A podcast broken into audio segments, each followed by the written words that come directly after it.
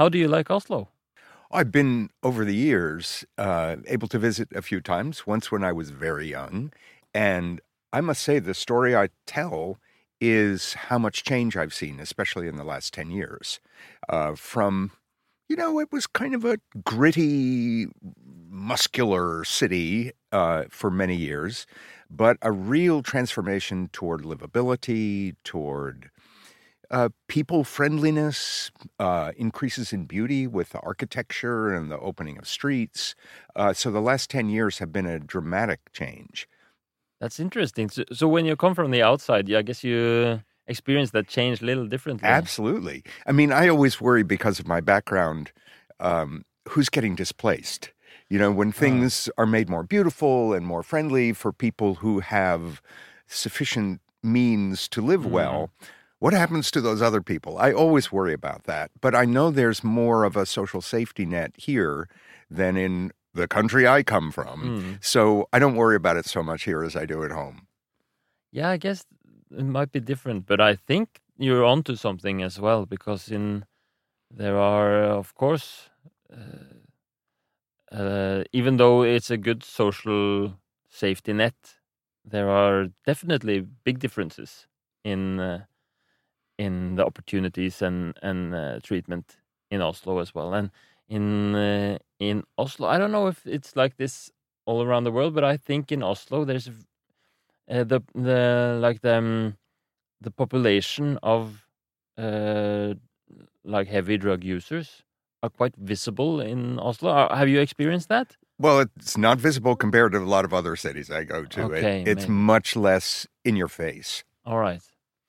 Okay, then I'm mistaken. I thought it may seem like a lot to well, you. Yeah, but it m- might be that that's one of the changes that you've noticed then, because there's been this long, for as long as I've lived, there's been this story of of drug users being kind of uh, herded around, Right. and at some point they were all uh, located a place called the Plate, which was also like the right next to the central station, the first thing you see as a tourist.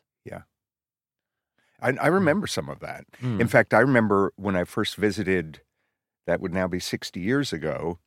Um, my s- 60 years 60 ago? years ago. Wow. Uh, my sister and I, we said, we were kids, and we said, there's a lot of drunk people here.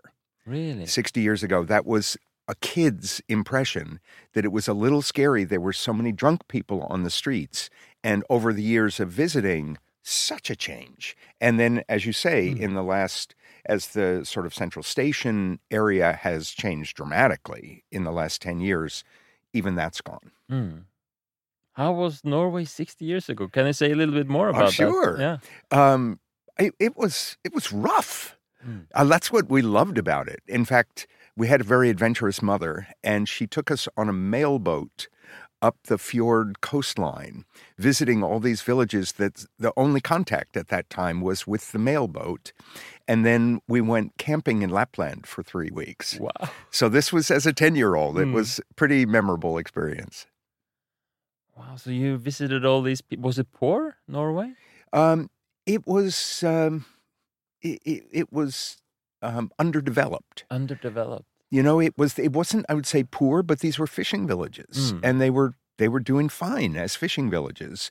But coming from the U.S., I'd never seen um, kind of subsistence living the way it Mm. had been pretty much for a long time. And I must say, an unforgettable Norwegian experience was the first time I got drunk at age ten was on Midsummer Eve up in some small Lap Lapland town where they would let the kids drink and it was midsummer so everyone was partying and it was the first time I got drunk it was unforgettable Okay, that's completely different from my experience of Norway growing up, where there is really this uh, strictness, so the like, kids are not allowed to do anything. And at at that time, ten years old, everyone was drinking. Wow, that must have been before.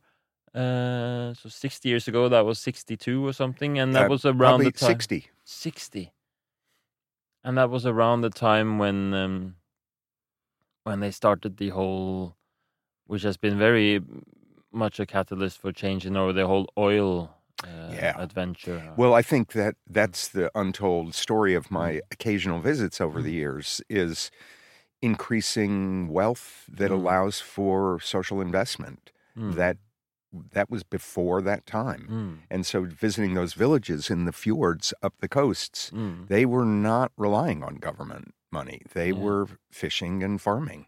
and like the the profession was inherited from Exactly. parent to Yeah. I mean, there were barrel makers Mm. and there were, you know, there were ironsmiths. Ah, it's not that long ago. Not that It- long ago, one lifetime. Yeah. Wow. I have to say, you don't uh, look like you uh, was around 60 years ago, but uh, Well, I appreciate that. yeah. Can you tell me more about, uh, like how you became what you became, like a, a teacher of arts, and Sure. how did that start? Um, I um, was planning to be uh, um, a minister, a member of the clergy. Really? And just before I went to seminary school, I was cast in a play at university and liked it so much, I made a sharp turn to study theater and then had a theater career. I was a Broadway actor doing shows all the time and did not like it. You I- didn't. I didn't. You- no, this was like the thing I was supposed to Yeah. want, but you do the same play eight times a week. You do soap operas, you do television commercials, you Mm. go for auditions. It felt, um, it felt like glorified factory work. Not, glorified factory work. you know, it didn't feel like the art piece that I got into it. Mm. And I would have occasional flashes. I'd get to play Hamlet or I'd get to do a big part. But then most of it was just this sort of grinding Mm. um, art. It was like making art sausages, and it wasn't. it wasn't the Mm. kind of life Mm. challenge that I got into it. Yeah, you because you had this start where you just entered out of nowhere. You got to play a play in. Well, I did. Yeah. So I Mm. studied after I got Mm. turned on to it. I studied, went Mm. through theater training, and then had supposedly the career you want. and then you're suddenly in this career which is not didn't feel that artistic it felt more like the hamster wheel of Exactly. that a lot of people can Exactly. I mean, going for auditions to sell ice cream and, you Mm. know, banking services. I thought, what, what am I doing? And so, just on the Mm. side, there was this thing just beginning called Teaching Artist, Mm. just starting at Lincoln Center. And I happened to hear about it Mm. and went to this one little workshop and liked it. And so I went to more, and then I started to do it. And I just turned away from theater Mm. to something that was more artistically satisfying, which was being the the catalyst and guide for Mm. bringing people into the arts the Mm. way they were exciting to me, not just you know getting people to become trained actors, Mm. but getting people to wake up the way the arts can make people wake up. Mm. And I have kept doing that for 50 years since that point. Never had a normal job Mm. but 50 years of projects and programs. Mm. And because this thing called Teaching Artist was just starting, I got to grow up with it That's and pretty be a contributor. And eventually it's becoming a global thing. So Mm. it's able to uh, ride a rising wave. That's fantastic. When when you say teaching arts, is it was it mostly uh, concerned with acting, or was it more general? De- definitely not. Mm. It's all the art forms. And it's, if I were to describe what a teaching artist does, and there's other terms for this in Mm. other countries. There's uh, Yeah, because you say teaching artist, not artist teacher. exactly Mm. an artist teacher is teaching you how to do your art form. Mm. A teaching artist is opening wide your access to artistry. The job of a teaching artist is to activate the artistry of other people. Mm, so it's not so much about like create, like uh, teaching the craft of art, but it's more like the, like the thing about art that is kind of less uh, tangible. Even even more, it's intimate. It's Mm. opening up the artistry in you. Wow. So, young people and not so young people who don't think of themselves as artists or have not had any experience, we don't worry about sort of preparing you to have a good experience at the Munch Museum. Mm. We wake you up to your own pleasure in making stuff you care about. Hmm. Uh, the one of the distinctions I make is the the fancy art world that I grew up in, you know, Broadway and big buildings and all of this. They are all about the nouns of art, the things. We Mm. make things, Mm. we get you to come in and love these things. Mm. And these things, these nouns are powerful. Mm. Teaching artists are about the verbs of art, Mm. the capacities that all humans have to make stuff you care about. And you can make stuff you care about with clay and dance, but you can also make it with dinner and with conversations and with your hobby on the side. And that's what teaching artistry is dedicated to is invigorating and strengthening your own natural artistry. So everybody is kind of everybody is an artist in in this That's in a this view. Yeah, it's a careful because artist has a special term. I I would rather say everyone has natural artistry throughout their lives. Ah, mm. And I would say an artist is someone who's dedicated a certain amount of time to a particular discipline or Mm. a particular area. So that combines that kind of spark that you talk about, or that artistry, with the craft. That's when you Yeah, get the artist. That's when you Mm. get the artist. Mm. But everyone has artistry, and most things in our societies try to squelch that natural artistry because of commercial intent. Mm, They want you to actually buy their stuff. mm, They want you to, you know, go to the place where you get art from them. And teaching artists are saying, yeah, that's all good. You know, those are like amazing things. Enjoy them. And you want to feel alive? mm. Get it going in yourself. So, what are you looking for when when you are teaching this kind of? Um, how do you approach it? How do you kind of start the process of teaching Um, artistry? It's well, we we've developed some techniques over the years, and it's usually connected to a purpose. You don't just sort of do it in general, but let's say um, I can give you an example that the purpose is for social impact. It can be for increased and uh, accomplishment in school. It can be for greater health. But I'll give you an example that my organization is very invested in is activating people's wish to address the climate crisis. Mm. So you get them making stuff they care about in direct relationship to the climate. Mm. So they might be um, trying to think of some actual examples. Uh, they're working with a group in a community about a local issue. Say there's too much plastic on the beach. And so you actually start gathering it to see what it is. You start realizing it's disgusting. Mm. You start expressing that through a, a, something you're going to make. Maybe the group decides it's a sculpture or it's a display that puts Hmm. in the face people stop doing this. But it the group becomes creatively engaged. And that rises up the passion to deal with this issue and to feel they can do something about it rather than just get information, feel an obligation to take some kind of action. When you activate the, the natural passion to, to make your, your statement about Yeah. this or what, like it, what is your way of understanding the relevance of this? The teaching artist guides that process.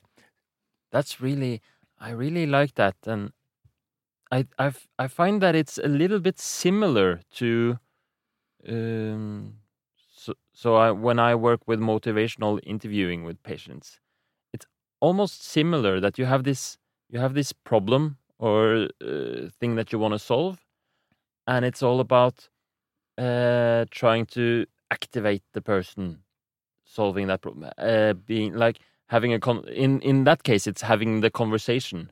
But in your case you kind of engage the person even more by having them uh, kind of play with and express uh, thoughts around some kind of issue or problem creatively. And yeah, I can see how that would create emotions and, like you say, wake people a little bit up. hmm Yeah, part of it, and I'm sure this is the Mm. same in motivational interviewing, is discovering the direct personal relevance of the issue. Get rid of the should.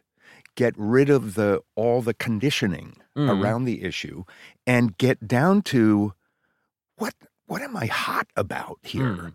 You know, what is the thing that matters to me? And then we don't just leave it there.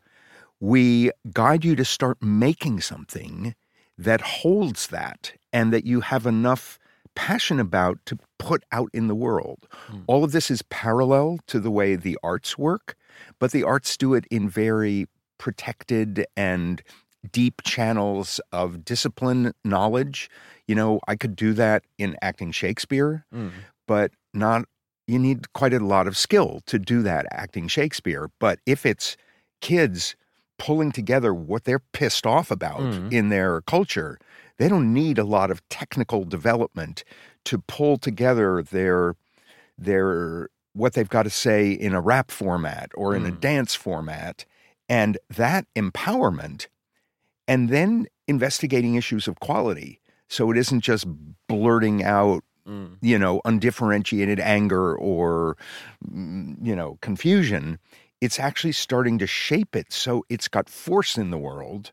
That's the work of teaching artists.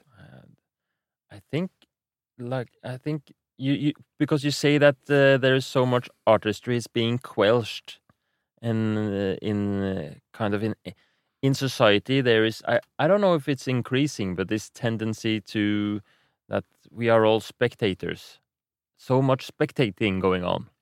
We I'd all- say it's worse. We're trained to be consumers. yeah, exactly. Um, and one of the best things w- they, they like from us is our attention. Mm, And that's the spectator piece. mm, is that is the hardest currency at this point Mm. is your attention and teaching artists are about putting that attention Mm. into an area that provides the rewards that artists get you know n- Mm. quality noticing mm. um, reflecting on how you actually work like what's going on in there instead of just being trained for consumption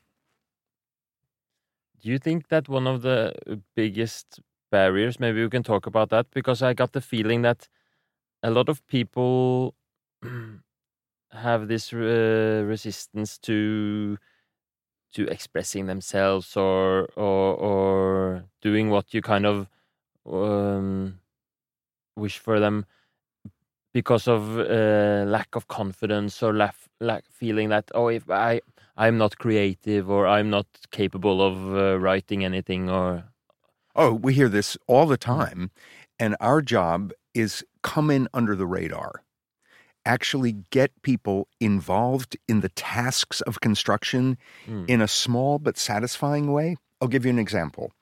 Uh, some years ago, I was asked by the board of directors of Federal Express to lead a day long workshop on creativity. Mm. And they said, We want to learn about creativity, but no art okay no touchy feely crap that you art people bring in here. We don't want any of that, but we need to be more creative. Mm. So, okay, so the assignment is creativity, but no art. How Mm. do you enter that with the suits who are like defended against it? yeah for this was for some company and for the Federal Express, the international yeah. company.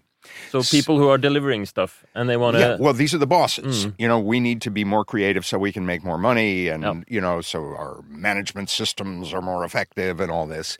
So, how does the art guy come in with no art and not hit the tripwire of, oh, we don't do artsy things? Yeah, yeah. You know, don't make me be like a tree. Mm. You can feel Yeah. all the kind of resistance. Yeah, yeah, you can all sense that uh, there is some kind of experience from school days where art was something Exactly. scary like or they were embarrassed or they, they as you know they're wearing their suits they're afraid they're going to look stupid Mm. um, so the first exercise given that difficult a situation was i got them involved in a highly competitive word game Mm. so i had them quick make a list i can't remember the assignment Mm. but quick make a list of words and they're checking around to see if others are going faster and got more Mm. words Mm. you know it's a little weird but it's not too weird Mm. then I had them like I gave them an assignment and they had to readjust the words. They had to put them in a different order.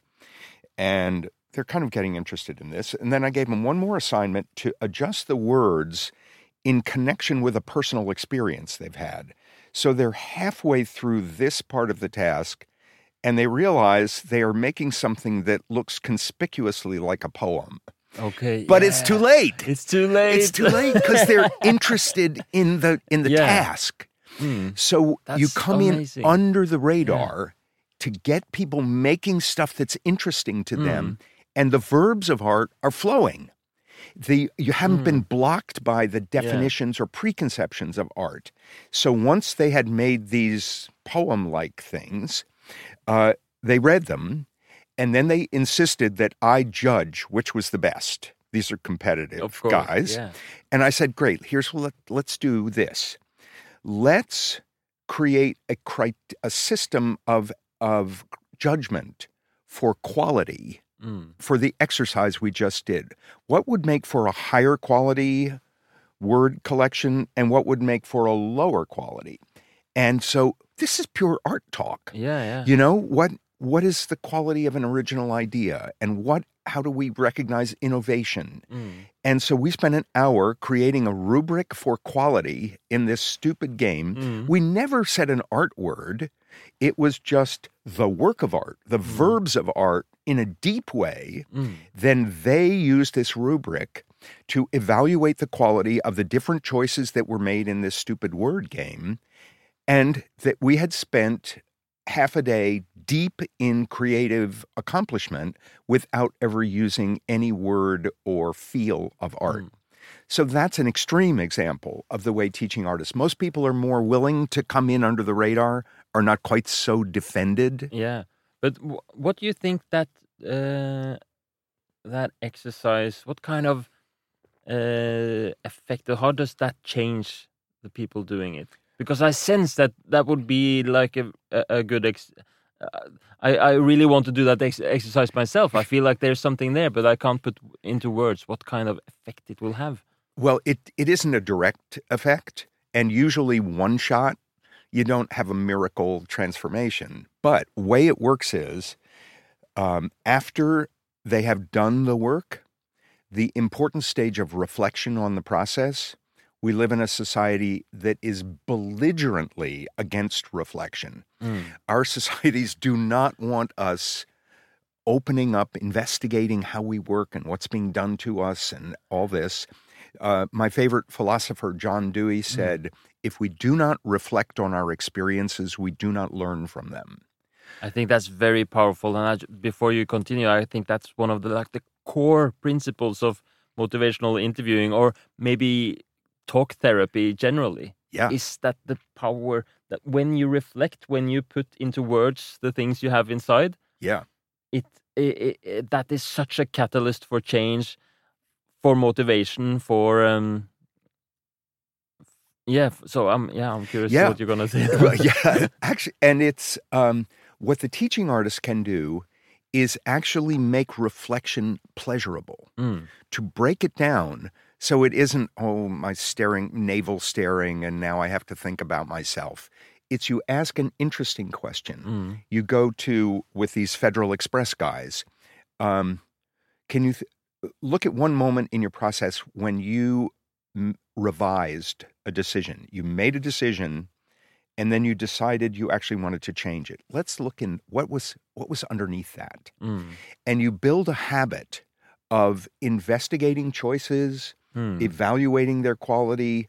This is the work of creativity. So I'm telling them, look at how the artist in you is working without Mm. using any of that language. And it's a pleasurable to go, yeah, how do I do that? Yeah, I did think that was better. Oh, I thought that was better because I remember this and this and this. Mm. Suddenly, you are starting to build a, um, a refreshed relationship to the art, the verbs of art, the ways artists work in your everyday life. It's the same as you you taste the soup Mm. and you you notice it needs something and that little process of what does it need and how much that's the artist at work. Mm. and then you test out your you know you put in that little bit more spice and you test it out. This is the artist at work. Yeah, and uh, it's you're you're making it so that um so for for a lot of people it feels like art is somewhere else. Yeah. and you're not looking at you're not saying we're gonna make a poem but you're saying what you just did is already a poem and let's uh, reflect around that so you kind of uh you you, you work where the person is yeah And I have to be careful not to use the words you just used. If those Federal Express guys, if I said the word poem, whole thing shuts down. yeah okay Because I remember my assignment was no art no, no, art.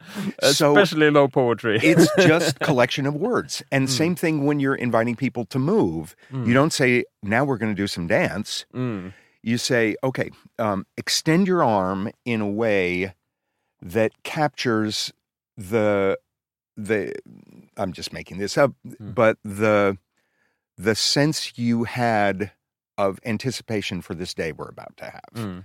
And they can like assign, let me see, I felt like this, I felt Mm. like this, so my arm would kind of do like this. Mm. They're into the work. You just don't say make Mm. a dance gesture. Yeah. So we're very careful to stay in the universal language, Mm. not the language that has been co-opted by the arts Mm. to be arts words. Yeah, because that creates a distance in a way, and it's uncomfortable maybe for a lot of people to to to do it that way. But when you when you ease into it and make make it fun and pleasurable, it's much more and interesting. And you know, this all changes around age nine. Up to age nine, kids have no problem with any of it. They are like Mm. competent at all the art forms. You know, they're the greatest drawer in the world. That Mm. you know, like you can say to a, a nine year old, draw a cow. And the kid will grab the marker and, you know, Mm. really make fast movements. And in 30 seconds, she's got a cow and she thinks that's maybe the best cow that was ever drawn on the planet. And it should be on the refrigerator Mm. or maybe a museum. But somewhere around nine years and one day, you Mm. say, draw a cow. And the kid goes, no, I, don't- I'm, suck at cows. I'm not, I don't draw cows. Mm. And they stay in that for the rest of their lives Mm. unless you come in under the radar and get them working with a medium and eventually making something that maybe has some cow quality to it. So our work is bringing back direct access to the artistry in you. So when when how how do you notice that someone has um, brought out the artist in them? Um, often it's visible. A lot of times it isn't. I mean, usually you see a kind of aliveness in the body. Mm. All the stuff we do when we're excited in a conversation with a friend. Mm. You know, your eyes light up, the body animates, the gestures start going. There's you can see that in the room. But there are some people that are more modest in their expression, but you see it in the quality of their involvement. You see Mm. them the most obvious is you see them slipping into flow experience Mm. of full attention Mm. Uh, complete lack of self consciousness. I mean, this is these are the attributes of flow according to psychologists, Mm. and you can see suddenly this person is not concerned with how they appear in the room with other people working. You can see their sense of time has changed. You know, they need longer or it's going really fast, but Mm. they aren't using the same watch time Mm. they're using internal rhythm time. So there's some visible uh, examples, and one of the clearest is when they say they're not quite ready to stop yet. Yeah. That's the yeah. artist has now taken over. Yeah, yeah, Excuse me we I'm- don't end here. We complete. Mm. I need to finish on this thing that's not Yeah, definitely not a poem, but I Yeah, need to exactly. and there was some of that. Mm. You know, you'd see the the suit guys hold up their hand and say, Mm. "Wait just a sec, I'm not there yet." Mm. That's an artist at work to Mm. say, "Don't make me stop. Come on, I have to work to complete here."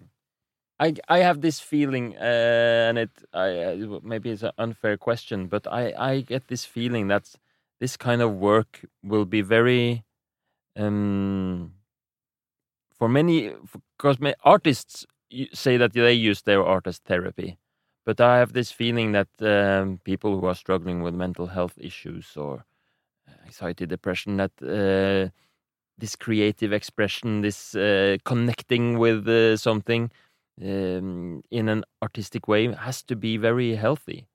It is. I mean, teaching artists are pretty careful not to overstep the boundaries of their expertise. Mm. There are arts therapies that take tools similar to teaching artists and have really developed them for therapeutic intent. Mm. Teaching artists are much more for uh, general Mm. situations, and but we certainly find people Mm. bringing a lot of personal material to the work.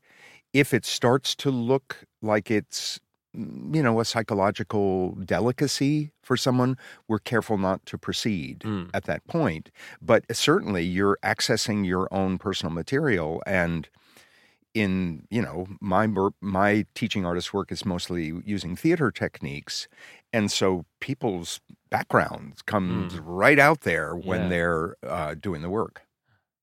If people get very in touch with their emotions, if they start crying or uh, stuff like that, do you shy away from that, or is that good? Or Um, I would say it doesn't happen all that much because we tend not to have longer term. We we're Mm. fairly quick in our interventions, but Mm. there will be. It, it does happen. In which case, um, if it looks like the person is handling it, I'll let it continue.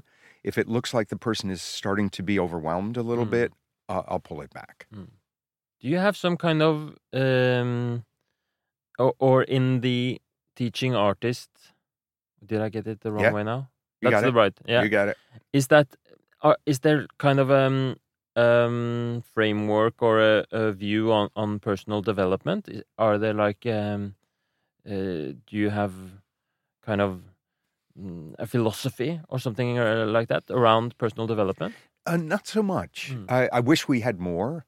Uh, what we do have is a sensitivity to hot, hot aesthetic areas in people. Mm, You know, with kids of a certain age, issues of fairness mm, are like front and center, mm, and we'll go there mm, because they have a lot to say. And, ki- Mm. and teenagers, you kind of know where the hot button areas are, and we go there.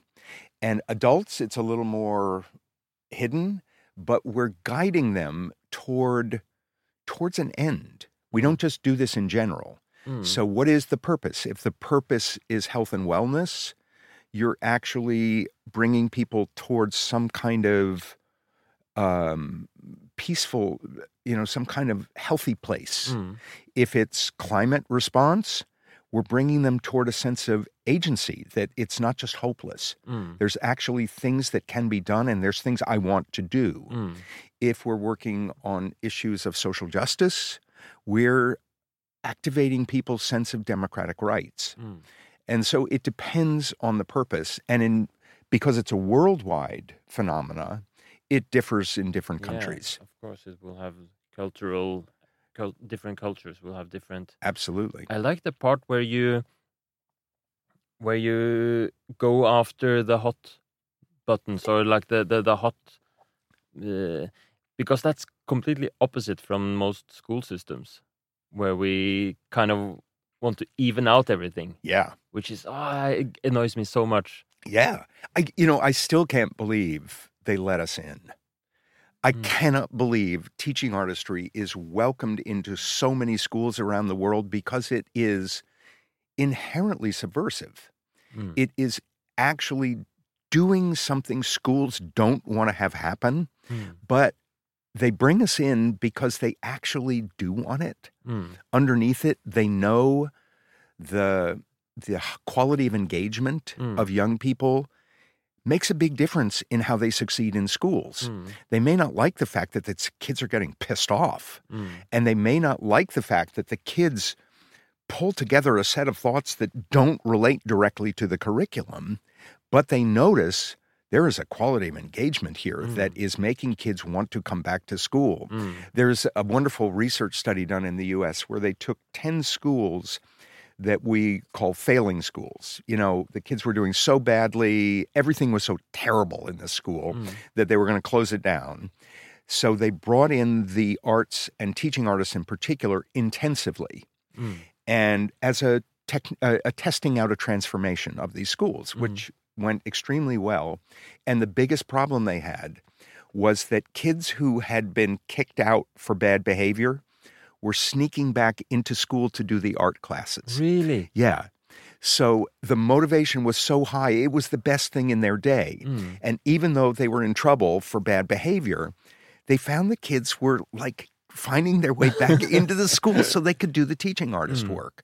And that's what it brings into a school is a quality of engagement. Teaching artists in the US in particular and the UK as well are really clever at um, tapping that energy Mm. but aiming it toward a subject area that the school cares about. Mm. So they're working in real partnership. Yeah, it isn't it's, it's just it's not just uh, fun for the sake of fun, right. but it's it's channeling all the motivation and the fun, and you can direct it. Exactly. Like, Mm. why is this part of biology relevant to your life? Mm. That's what the teaching artist opens up. Mm. So the kids understand, you know, how how biological processes work Mm. are like significant. I remember one school we were working with on on cell membranes. Mm. You know, uh, like this is an academic biology thing. As kids began thinking about the variety of walls in their lives, it Mm. became a whole investigation of walls and the porosity of walls Mm. and how how do people and things get through walls Mm. and suddenly they were inside how does it work in a cell Mm. how does that stuff actually get in there Because the cell membrane is utterly fascinating. exactly Mm. So suddenly it's not just more damn stuff they have to learn about cell Mm. membrane transfer. Mm. It's like, how do walls work in the world? Mm. I got walls in my life. And you know, some of them are porous and some of them I want to have no transfer. Mm. But what are like the healthy things I want to have coming through the walls in my life? And Mm. that opens a curiosity about transfer across membranes. Mm. And suddenly, then, when you're actually looking at the mechanics of cell membrane transfer, you have a different relationship to Yeah, it. and you have uh, I don't know what the word is in English, but in Norway we say you have a knagg. You have a, what's it called? Like the little piece that you hang things on. A hook, A hook. You got a hook. exactly. And these particular kids, um, they a number of them were in their school band, Mm. and uh, they composed a symphony of cell, main tra- cell membrane Okay. transfer. They wanted, they had Mm. then like come up with all the little steps, Mm. and they wanted to find the musical journey, the equivalent in music of Wow. all the biological things that are happening. Ah, this is so. Uh, I really. Uh, I've, uh, I, I'm. Uh, it's you're waking up a love to teaching artists. I'm glad to hear it. Yeah. Um, in fact, the reason I'm here in Oslo is we are having a conference of people from around the world who are teaching artists. They Yeah. use different names for their Mm. jobs in Mm. different countries, but we had 250 people from 45 countries who this is their work. Mm. And it's different in rural Africa, and it's different in a farming community in the Philippines. And that's what we get together Mm. to really look at the range of this practice. Yeah. So this is the ITAC six- International Mm. Teaching Artists Conference, Yeah. which is run by the International Teaching Artists Collaborative. yeah, so you were the keynote speaker there, but of Yeah. course, the reason you're in Oslo is to come on this podcast. I, uh, of course, I know, but I did this little conference thing on the side. there is uh, this question that has been like uh, a common question in these interviews, and that is, um, in what way? And you already answered it, but maybe you can answer it in a different way. So, how has your life changed, uh, and what caused the change? The oh, if I sort of look at the career, my teaching artist career, there was the big change from I'm going to be a minister to I'm going to be a teaching artist. um, there was that journey. But then within teaching artistry, I initially began as the um, employee of projects from high arts institutions. Mm. So I was employed by Carnegie Hall and Mm. by Lincoln Center and other fancy big art institutions to um, help them figure out how people who don't already love art, which in America is 93% of the population, help them find out what is relevant so they might actually find some value in these high art things. Over the long journey of four and some decades, I am increasingly interested in using those same tools, but for social impact. Mm.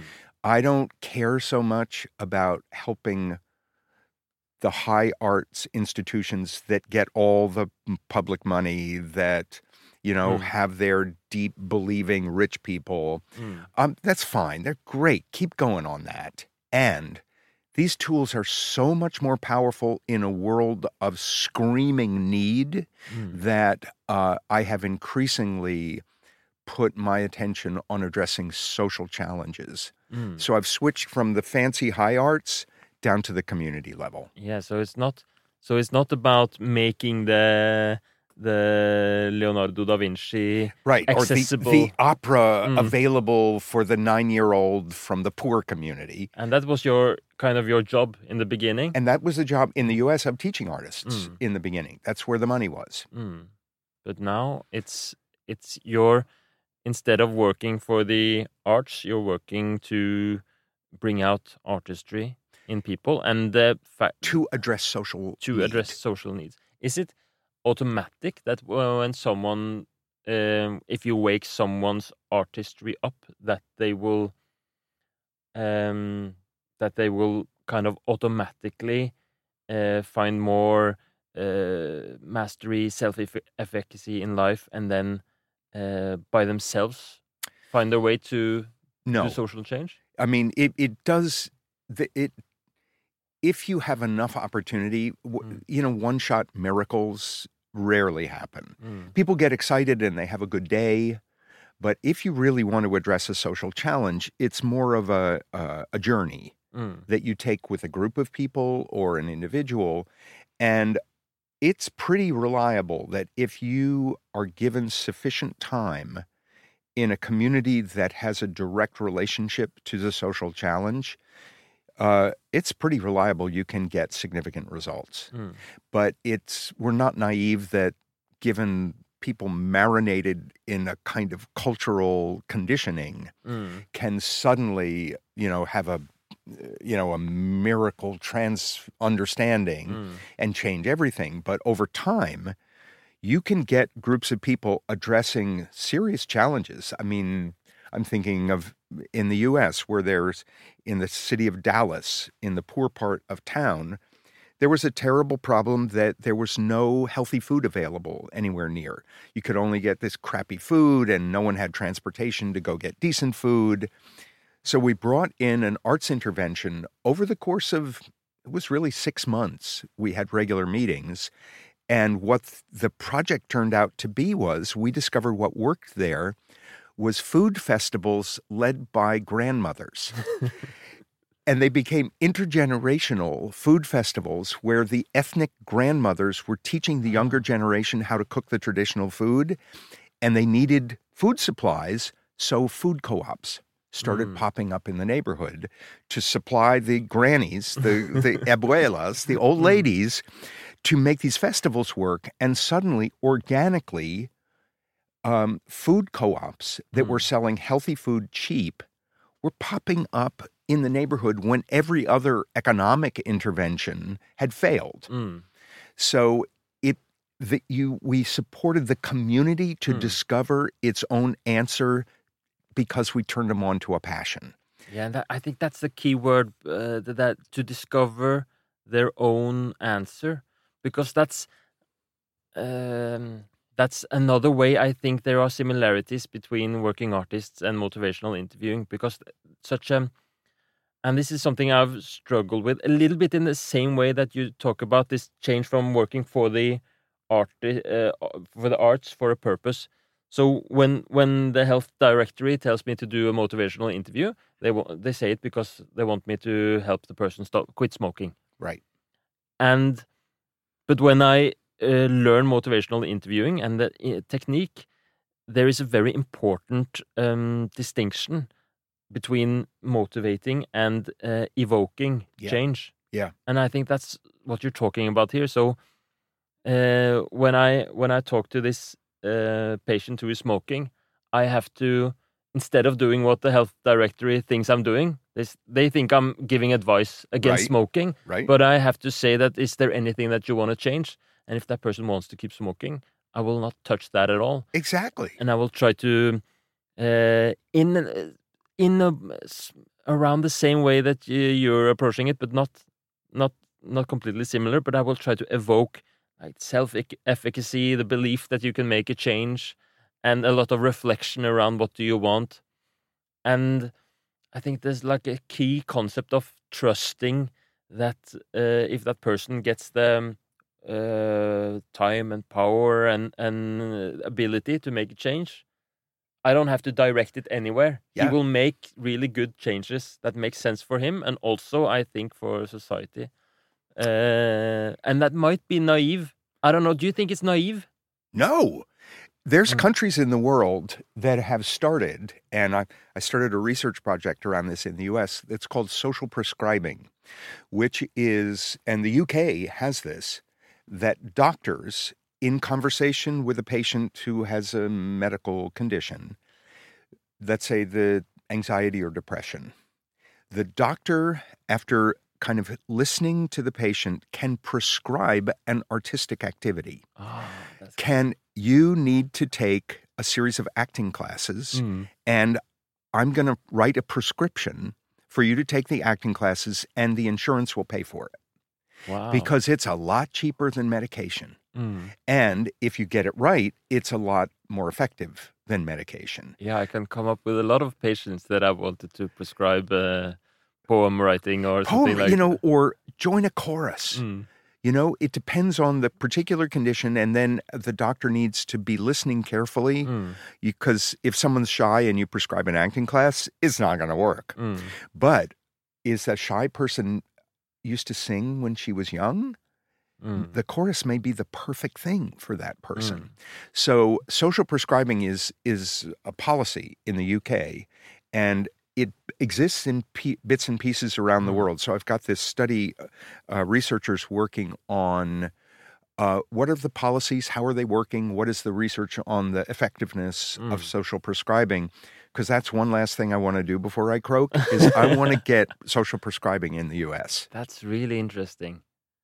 Social prescribing. In, in Norway, there's been a lot of talk about uh, prescribing exercise instead of medication, which is It's, it's it's much in the same direction. and yeah. it's in the same direction, and it makes complete sense. that But you can't just prescribe that somebody start running. Yeah, you have to prescribe a sustainable activity w- with enough pleasure in it Mm, that it draws you in through pleasure and interest and yeah, community support. you have to be a really good listener because you need to find that hot spot. Exactly. You need to find what uh, And People will tell you that. Mm, It's just we're not usually listening for it. We're listening for our own convenience Yeah. or our own offer or in the world we live in, our own commercial advantage. mm, as opposed to actually hearing what's in there that is a flag saying, go here, go mm. here. Hmm. It's really interesting. I teach medical students and how the the um, how we have to teach communication skills, especially listening skills, and that they all know these listening skills inherently, most of them at least. And uh, so it's not the knowledge of the skill or the proficiency in the skill, but it's all the other tasks that gets added to the conversations that suppress the communication skills they already have. Yeah. Um, I have a great teaching artist story for you about exactly Hmm. that. There was um, now about 15 years ago, there was a study done at Harvard University where they took doctors in training to an art museum to practice looking at paintings guided by a teaching artist. And she slowed down the the tendency to interpret quickly. Oh, this painting is that, hmm. or that's how it is. Slowed hmm. it down to actually start taking in more information before you jump to a conclusion. Oh, that's so important. And they found there was a dramatic increase as a direct result of six visits in the accuracy of medical diagnosis. Mhm. And when they I noticed I was drawing conclusions All right, there you go. in, so I am There- guilty of this We can't well. stop it. Yeah. because in medicine there's this sort of high value in you Mm. know quick taking a bit few bits of information and jump in with a Mm. diagnosis Mm.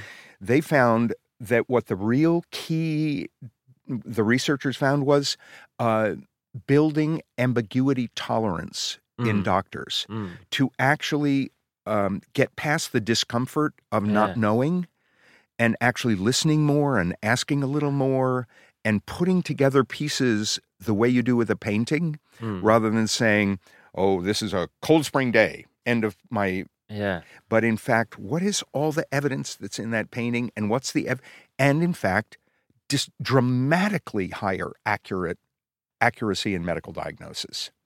Art Mm. saves lives Yeah, in that does. case. It does. I think that ambiguity tolerance, that I think that is something so important because I see it all the time with the doctors. At, when there is some kind of ambiguity or ambivalence in motivational interview, we know that uh, the patient talking about ambivalence is key driver for change.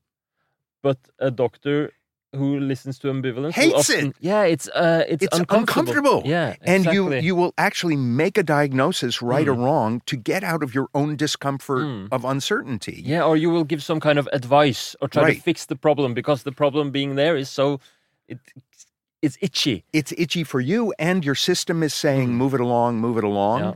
so and people die because of that Mm. there's you know a Mm. lot of misdiagnosis happens because of that speed Mm. and so to open up that the ambiguous ambiguous place which artists love Mm. is actually got its pleasures and its interests. And there's different things you do when you find yourself in ambiguity and you practice that on paintings.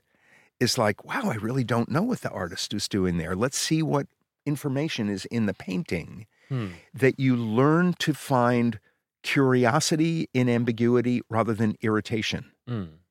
I think it's very difficult for doctors to do that. Uh, we have these. Um, we get so much.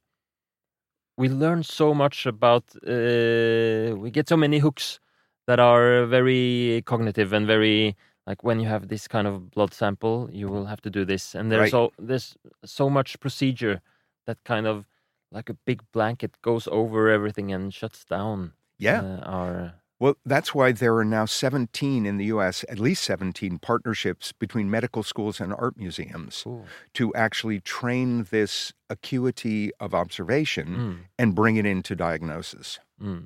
I have to say that some of the American medical schools are really innovative, and They're getting there. mm, They're mm. getting there.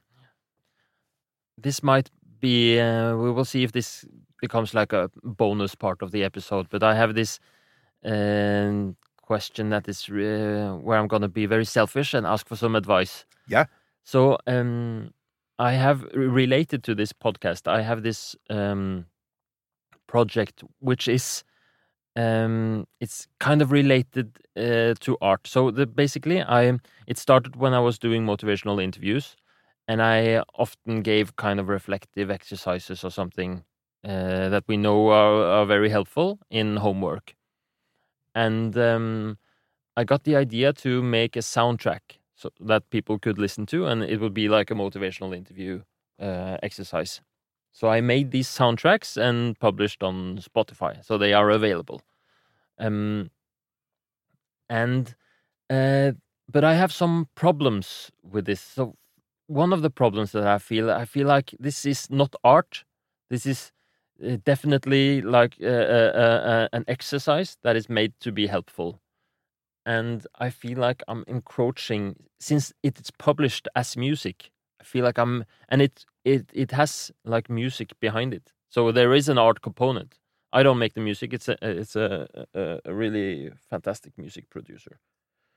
So, um, how would you think about um, this? I guess it's an ambiguity, or is uh, I feel it's uncomfortable to have these uh, these uh, soundtracks that are mainly helpful on a platform that is mainly art. Do you, uh, do you Yeah, yeah. understand? Yeah, what I'm hearing is it's a beautiful thing. It you know, supporting a person's inner game to um, receive support, to have mood support, um, but it hasn't moved to the active. That's where the teaching artists come in. Mm. So, what a teaching artist in this case would be looking for what is an activating question, Mm. a question that takes it from the receiving of it and having the the positive influence wash into one Mm. into actually engaging in the verbs of art rather Mm. than receiving Yeah. and so questions we're, we're uh, it's hard to come up with Mm. the the the strong question Yeah. but that's a big part of the art of teaching artistry Yeah. like a, a student of mine used a question with some young people that activated them where in life do you use music to stay alive where in life do other people Mm. use music to stay alive. And so they start to notice how how does music live in refugee camps? Mm. You know, and how does music live in um, prisons? Mm. And how does music live in my life? And how did music get used when slaves were escaping the slavery in the south Mm. of the US? Mm. And then the question becomes, and how do I do that? Mm. so that instead of being the recipient Mm. of generous musical offering, Mm. it's to start to move forward into how do I use this in my life? Yeah. I and where think- is it hot in my life? Yeah, so I, I think that's really that's I, that's really awesome. That it needs to be some kind of uh, the goal is to activate and to Yes. to to to create. So this uh, to create like uh, yeah to activate and and create engagement Yeah. from the one whoever is listening. Yeah. What would be if you had to if you could make like the perf like a soundtrack that you could listen to uh, from time to time? What kind of questions would you ask yourself? Um, I would want in the soundtrack Mm. um, some kind of mediation to my listening experience. Mm. I would want a question that invites me to pull from what I'm experiencing listening the music into some kind of form so it doesn't just become stuff that's moving through me in response to what I'm being given. Ah, some kind of. That's really interesting. Some kind of um, uh, activating your Right. listening experience, kind Yeah. of. Yeah, and it's not uh, one that doesn't work Mm. Is that's often tried. This is sort of a young teaching artist's Mm. idea is while you're listening to the music, draw what you hear. That doesn't work. No. because you actually stop listening and you start just doing random drawing. Mm. But if you pause the music and say, what are the general shapes in what you heard in the last couple of minutes? Mm. They have to reflect on kind of the body of experience they just had and and document it in some way. Mm. And they might need to listen to it again Mm. and they're actually going into what's being what are the decisions in that music and what are my response instead of just being massaged by the music it's actually seeing where the choices and intentionality was in it and how's it affecting me it's starting to have a back and forth relationship with the music rather than just a recipient's relationship That's really interesting. So, do you think that then? Um, so it would be questions like, uh, like, what is, what are you hearing now? How it, does it affect you? yeah What kind of, what does it wake up? Yeah, we want better questions than that. And I'm the face you've got on right now. Mm. This like that's I spend a lot of time with that Mhm. face of like what is what is the question here Mm. that's inherently interesting to answer Yeah. in relation to this music. Where what is an invitation for wondering or Mm. finding relevance? Mm. And the art of the highly engaging question, that's a teaching artist's art. And there Mhm. is no sort of here's the kit bag Mm. of 20 great questions. Mm. It's it's quite particular. It's an artwork to find yeah, this is this is a question that's going to invite fresh fresh discovery. Oh, I'm so glad to hear you say that because I, when we make these soundtracks, I often feel like ugh, I'm asking that the question that there is some kind of perfect question out there. But I'm glad you to hear you say that it uh, that is also like a little bit of a work of art. To one question can work great with one kind of music, and uh, for one kind of Yeah. person. You, uh, you know, part of what you might be a, a way when I help people think Mm. about good questions is to have them think about getting the listener to create analogies. Mm. Analogous thinking is is one of the most basic art activities. Mm. It's basically this to me is sort of like this. Mm. That's you've started you've slipped in to the art, the verbs of art when you do that. So Analogous thinking. yeah, analogical thinking. It's Mm. one of the basics in creative capacity is analogical thinking where you take the vague, hard to grasp Mm. nature of your own experience and you give it a location. That's what artists do. You give it something specific.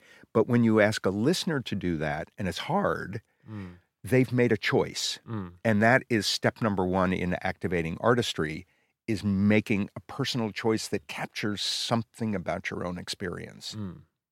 What do you think about because it in this music project it, it doesn't have to be only questions it could also be instructions.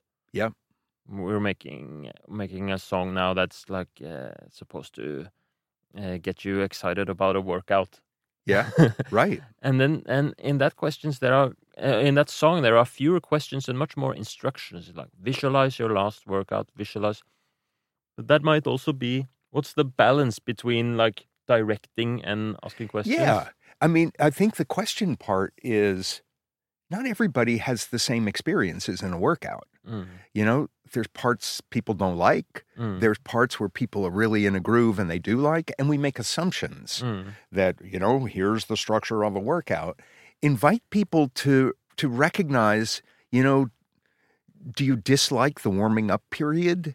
You know, mhm, kind of what are the sounds of getting the the body Mhm. machine going mm. and what are the sounds that go when you f- like you found your rhythm for the day? what are the sounds of mm, getting your body machine going i like that maybe i Exactly. will add that one You know, and what it, you know when you're at when it's really smooth, when you're really doing it at your right level. What is the sound world Mm, of that? mm, Not just the pumping that, you know, mm. gives you motivation, but actually what's the sound of having your body in tune with high demand? Wow, that's an awesome question. I feel motivated to exercise as we sit here. That's really helpful. I uh, I'm very happy that I got to get a one-on-one uh, teaching artist uh, lesson here on the end. Eric, thank you so much for taking the time. so fun. This has been fun, hasn't it? Totally fun. I love this stuff. Awesome, awesome. I really, I hope the listeners have uh, enjoyed this as well. I, I think there's really a lot to learn from the, this conversation, and I got some aha moments about about uh, how should we summarize this? It's uh, that's there's something in us that is very it's accessible, but it's a little bit hidden.